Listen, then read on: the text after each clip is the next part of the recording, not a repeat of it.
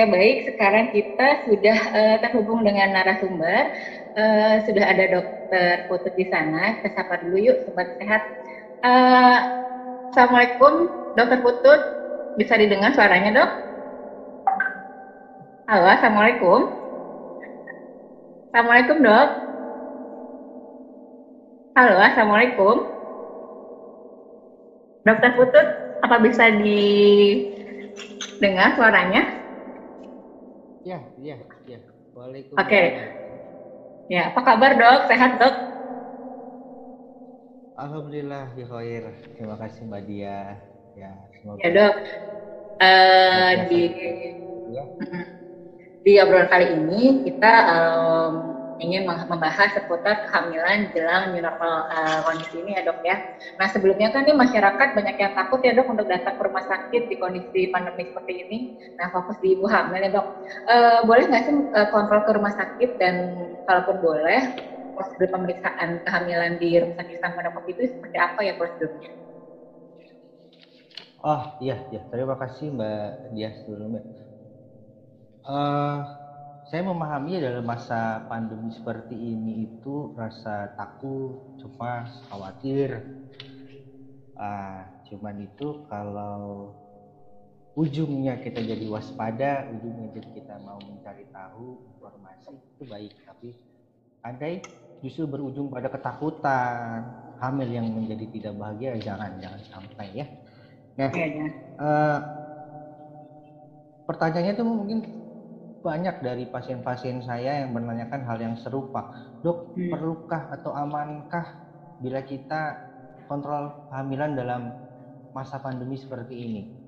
Nah, sama tuh banyak banget yang nanya seperti itu.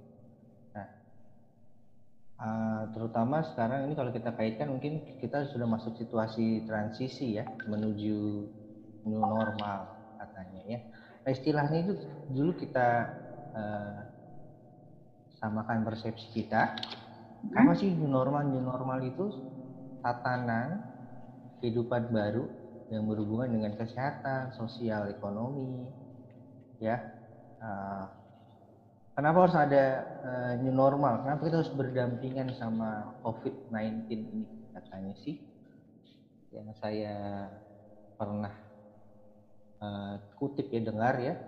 Bahkan dari uh, lembaga biologi molekuler Ekman itu menyatakan bahwa sepertinya COVID-19 ini mungkin tidak akan hilang dalam waktu dekat. Oleh karena itu perlu kita beradaptasi, perlu kita anggap hidup berdampingan eh, dengan adanya protokol-protokol kesehatan. Lalu bagaimana dengan kehamilan?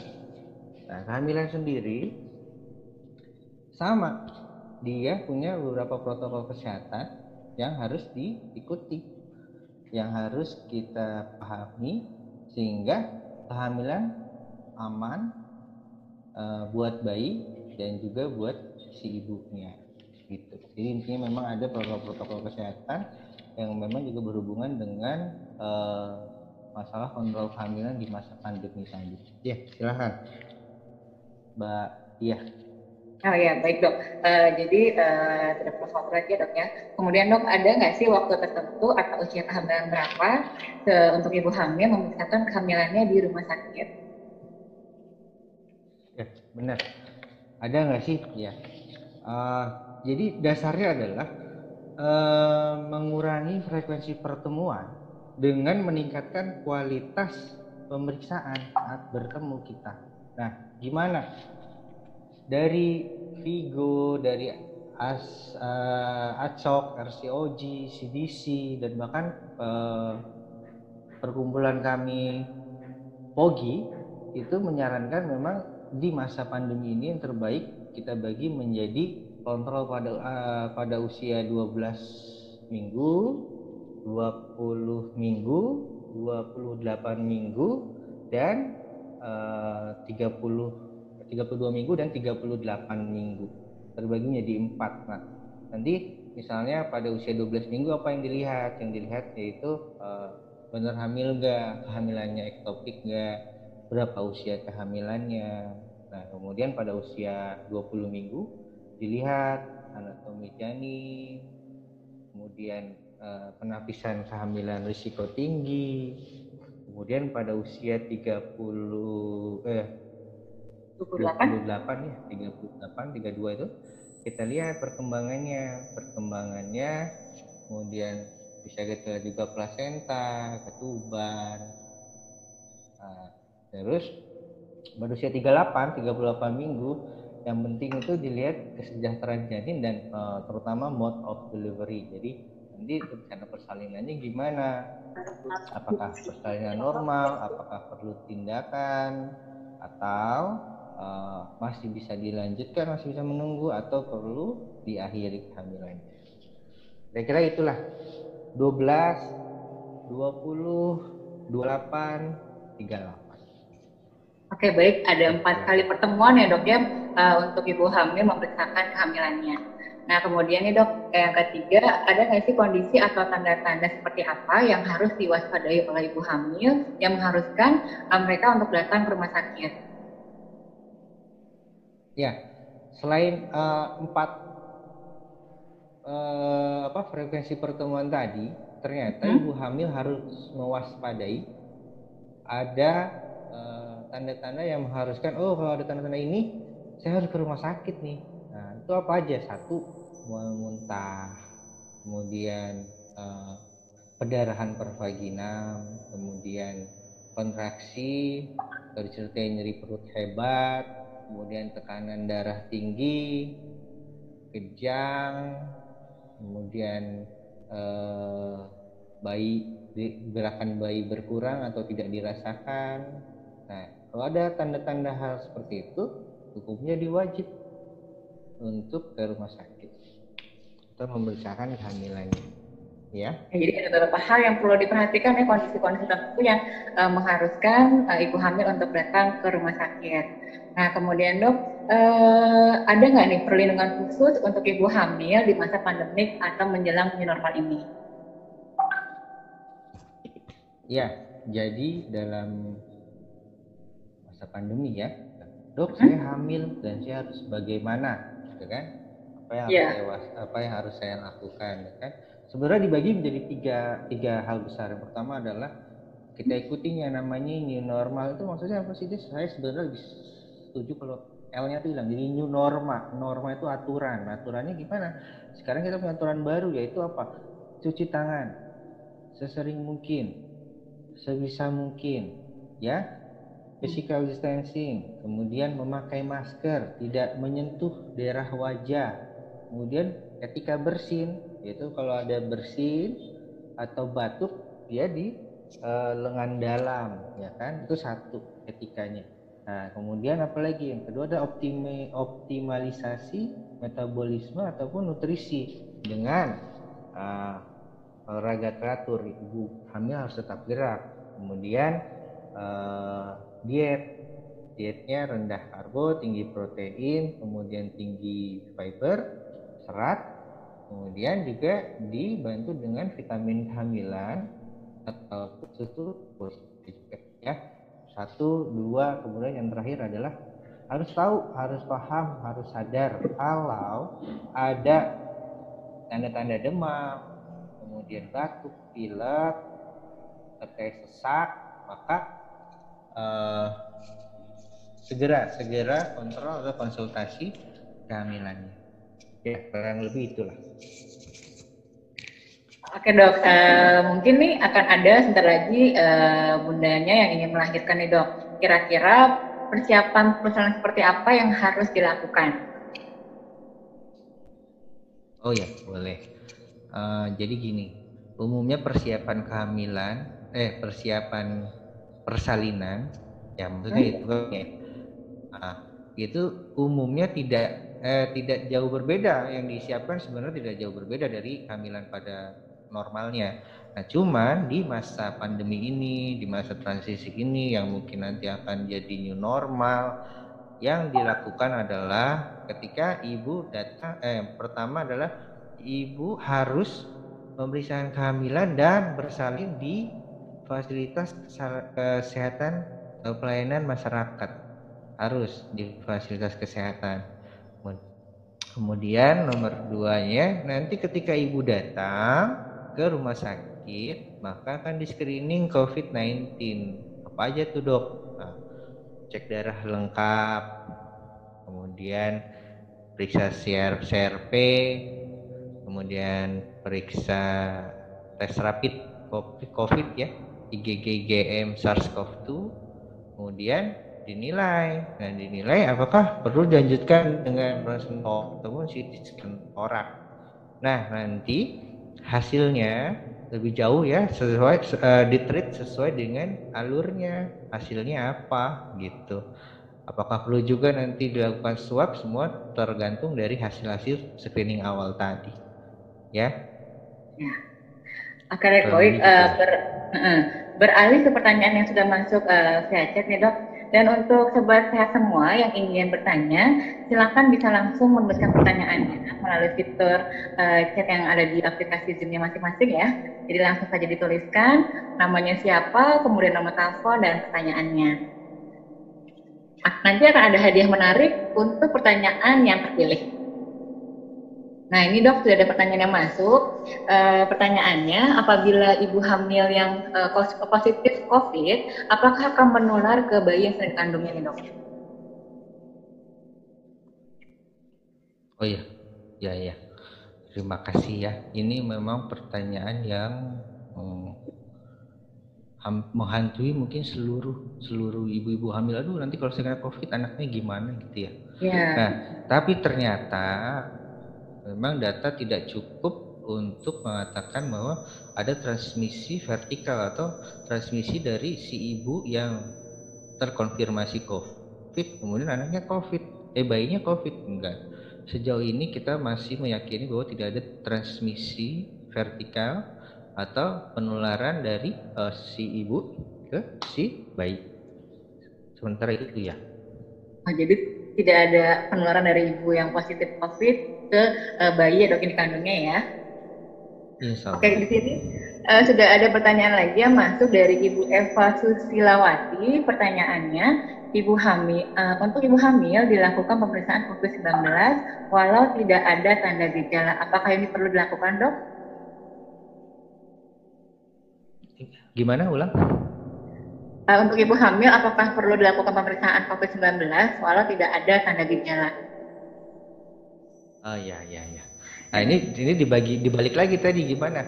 Nah, kalau sebagai pemeriksaan rutin di awal enggak, tapi menjadi screening hmm. uh, lain ada yang namanya early warning sign. Jadi an, dari anamnesis, dari pemeriksaan fisik dan salah satu pemeriksaan penunjang tadi tuh labnya itu diperiksa nanti kalau dia udah masuk misalnya jelang persalinan datang ke rumah sakit gitu. Karena apa? Kenapa nggak dok dari awal dok ya? Nanti negatif di awal belum tahu nanti pas masuk gimana gitu ya.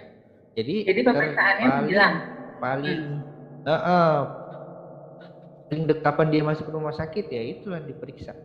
Jadi bukan screening awal bukan. Hmm, jadi untuk Ibu Eva tadi sudah dijawab ya uh, dilakukan pemeriksaan pada saat uh, melakukan uh, ingin persalinan ya dok ya. Mendekati waktu persalinan supaya uh, nanti juga terdeteksi pada saat ingin melakukan persalinan. Kemudian uh, ada lagi pertanyaannya uh, bagi persiapan uh, seksion dok, kapan uh, pemeriksaan COVID dilakukan? Apakah pemeriksaannya rapid atau PCR? Oh iya, ini sekarang seksio mungkin yang dimaksud seksio elektif ya kita jadwalin misalnya oh, ibu sudah masuk 38 minggu satu minggu ke depan. Ya. Terus gimana ya. dok? Perlu periksa rapid atau uh, apa tadi namanya? Uh, PCR. swab PCR gitu kan ya?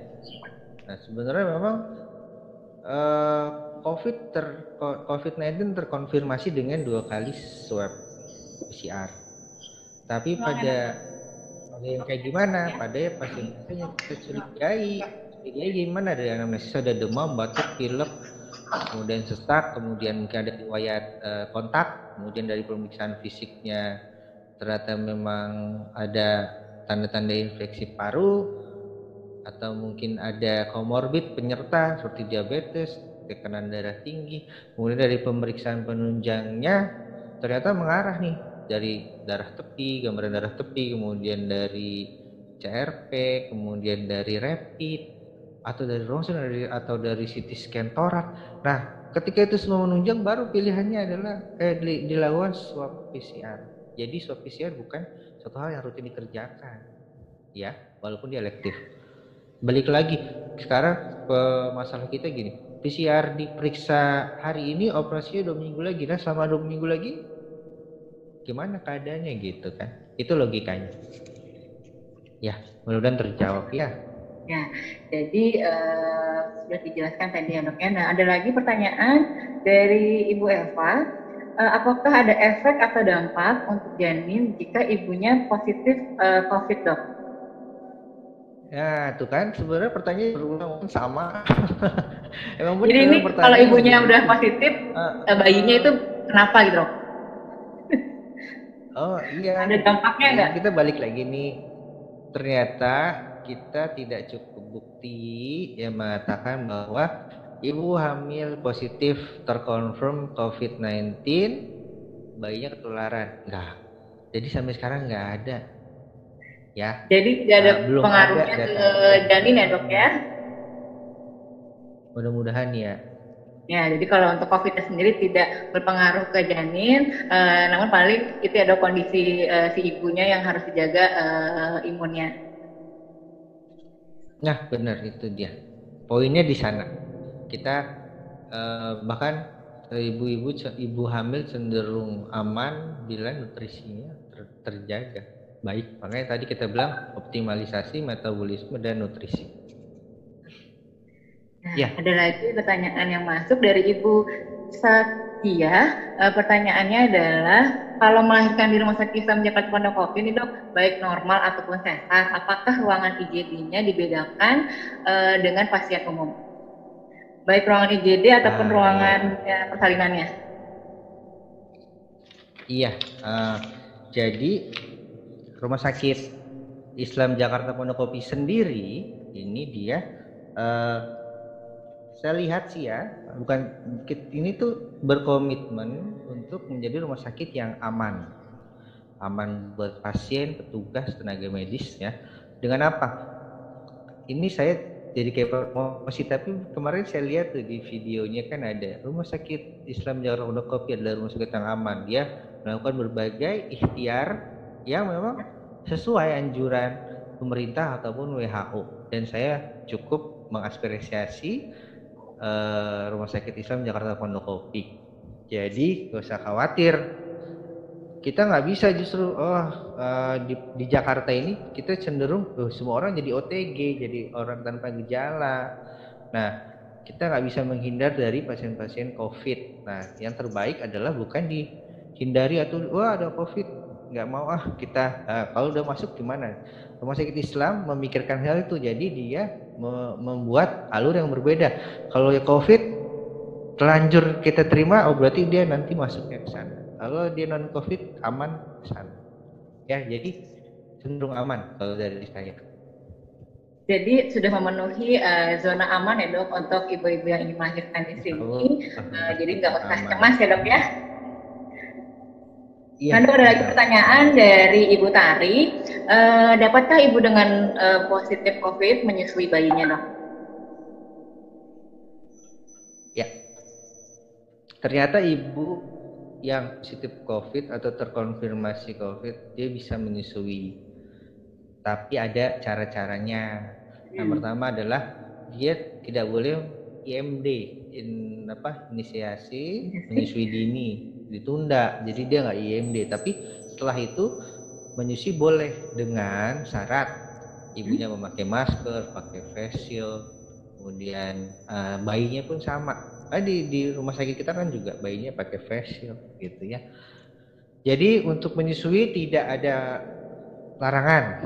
Cuman inisiasi menyusui dini nggak boleh Oke baik, uh, berarti tetap ya dok ya uh, ibu hamil, ibu menyusui tetap bisa memberikan asinya dengan uh, tadi ya menjaga uh, kontak juga dengan bayinya dengan menggunakan masker dan apabila perlu menggunakan face uh, di ibunya ya dok ya. Kemudian di sini uh, pertanyaannya kita sudah dapatkan tadi dok beberapa ya ada enam pertanyaan. Nah menurut dokter dari enam pertanyaan itu mana yang terbaik dok? Eh, yang mana terbaik? tadi ada enam ya dok ya. Yang keberapa kira-kira dok? Semua sih sebenarnya baik ya. Wah, harusnya kasih nilai. Ya. ya. Yang paling menarik kira-kira yang mana dok? Semua menarik juga sih, cuman mungkin ini ya apa uh, uh, ini aja deh karena ini rumah sakit Islam yang yang yang yang bikin acara yang ini rumah sakit Islam aman nggak dok buat di okay. uh, sudah sudah masuk ke dalam uh, kriteria aman nggak gitu Uh, ya. Berarti Soalnya ibu yang nyanyi itu ya dok ya? Tadi sama-sama pertanyaannya. Iya, selamat ya. Ya terima kasih dok. Uh, selamat kepada Ibu Zakia. Uh, Ibu berhak mendapatkan uh, merchandise menarik dari Rumah Sakit Islam. Nanti akan ada yang menghubungi Ibu. Uh, tolong dituliskan nama telepon Ibu di chat ini ya. Oke dok, baik. Terakhir nih dok, eh, bagi penutup, silakan dok, apakah ada tips dan saran untuk ibu hamil di masa pandemik menjelang new normal ini? Oke, tips dan Ya, tips dan sarannya dok. Oh iya, tips dan sarannya adalah uh, sebenarnya kesimpulan kali ya. ya. Ibu harus tetap uh, kurang lebih kita semua lah ya, tidak perlu bukan ibu doang, tapi semua harus ingat jaga jarak, kemudian pakai masker, hindari kerumunan, tidak menyentuh wajah, cuci tangan. Nah, itu semua menjadi norma, norma. Jadi menjadi eh, kebiasaan kita dalam menghadapi COVID ini. Kemudian gimana yang ibu hamil? Ibu hamil tadi ingat jadwal kontrol, nggak perlu takut. Kemudian gimana lagi? Intinya adalah jangan cemas, tidak perlu takut atau khawatir. Sejatinya kehamilan adalah hal-hal yang diimpikan, yang diidamkan, kemudian persalinan adalah momen yang akan terkenang. Jadi harus bahagia si ibu, ya. Oke, ya. Bahagia selalu ya, ya dok. Baik, ya. terima kasih. Jadi bahagia itu juga bisa meningkatkan imunitas sendiri, dok ya. Ah, ya itu juga. Baik dokter, terima kasih banyak atas obrolan santainya, sangat bermanfaat sekali. Sampai ketemu nanti di episode lainnya ya dok ya, jaga kesehatan selalu. Assalamualaikum warahmatullahi wabarakatuh. Ya, waalaikumsalam warahmatullahi wabarakatuh. Baik sobat uh, sehat semua, tadi sudah kita dengarkan penjelasan yang cukup uh, sangat bermanfaat dari Dokter Putut. Uh, untuk kalian yang ingin berkonsultasi lebih lanjut atau ingin membesarkan kandungannya, bisa uh, langsung datang ke Rumah Sakit Islam Jakarta Pondokopi dan nggak usah perlu takut lagi dan tidak perlu cemas karena kami sudah menerapkan zona aman demi keamanan dan kenyamanan sobat sehat semua selama berada di lingkungan Rumah Sakit Islam Jakarta Pondokopi. Nah, sekarang kita akan uh, mendengarkan terlebih dahulu ada beberapa hal yang ingin disampaikan. Uh, dipersilakan untuk Ibu Evi. Uh,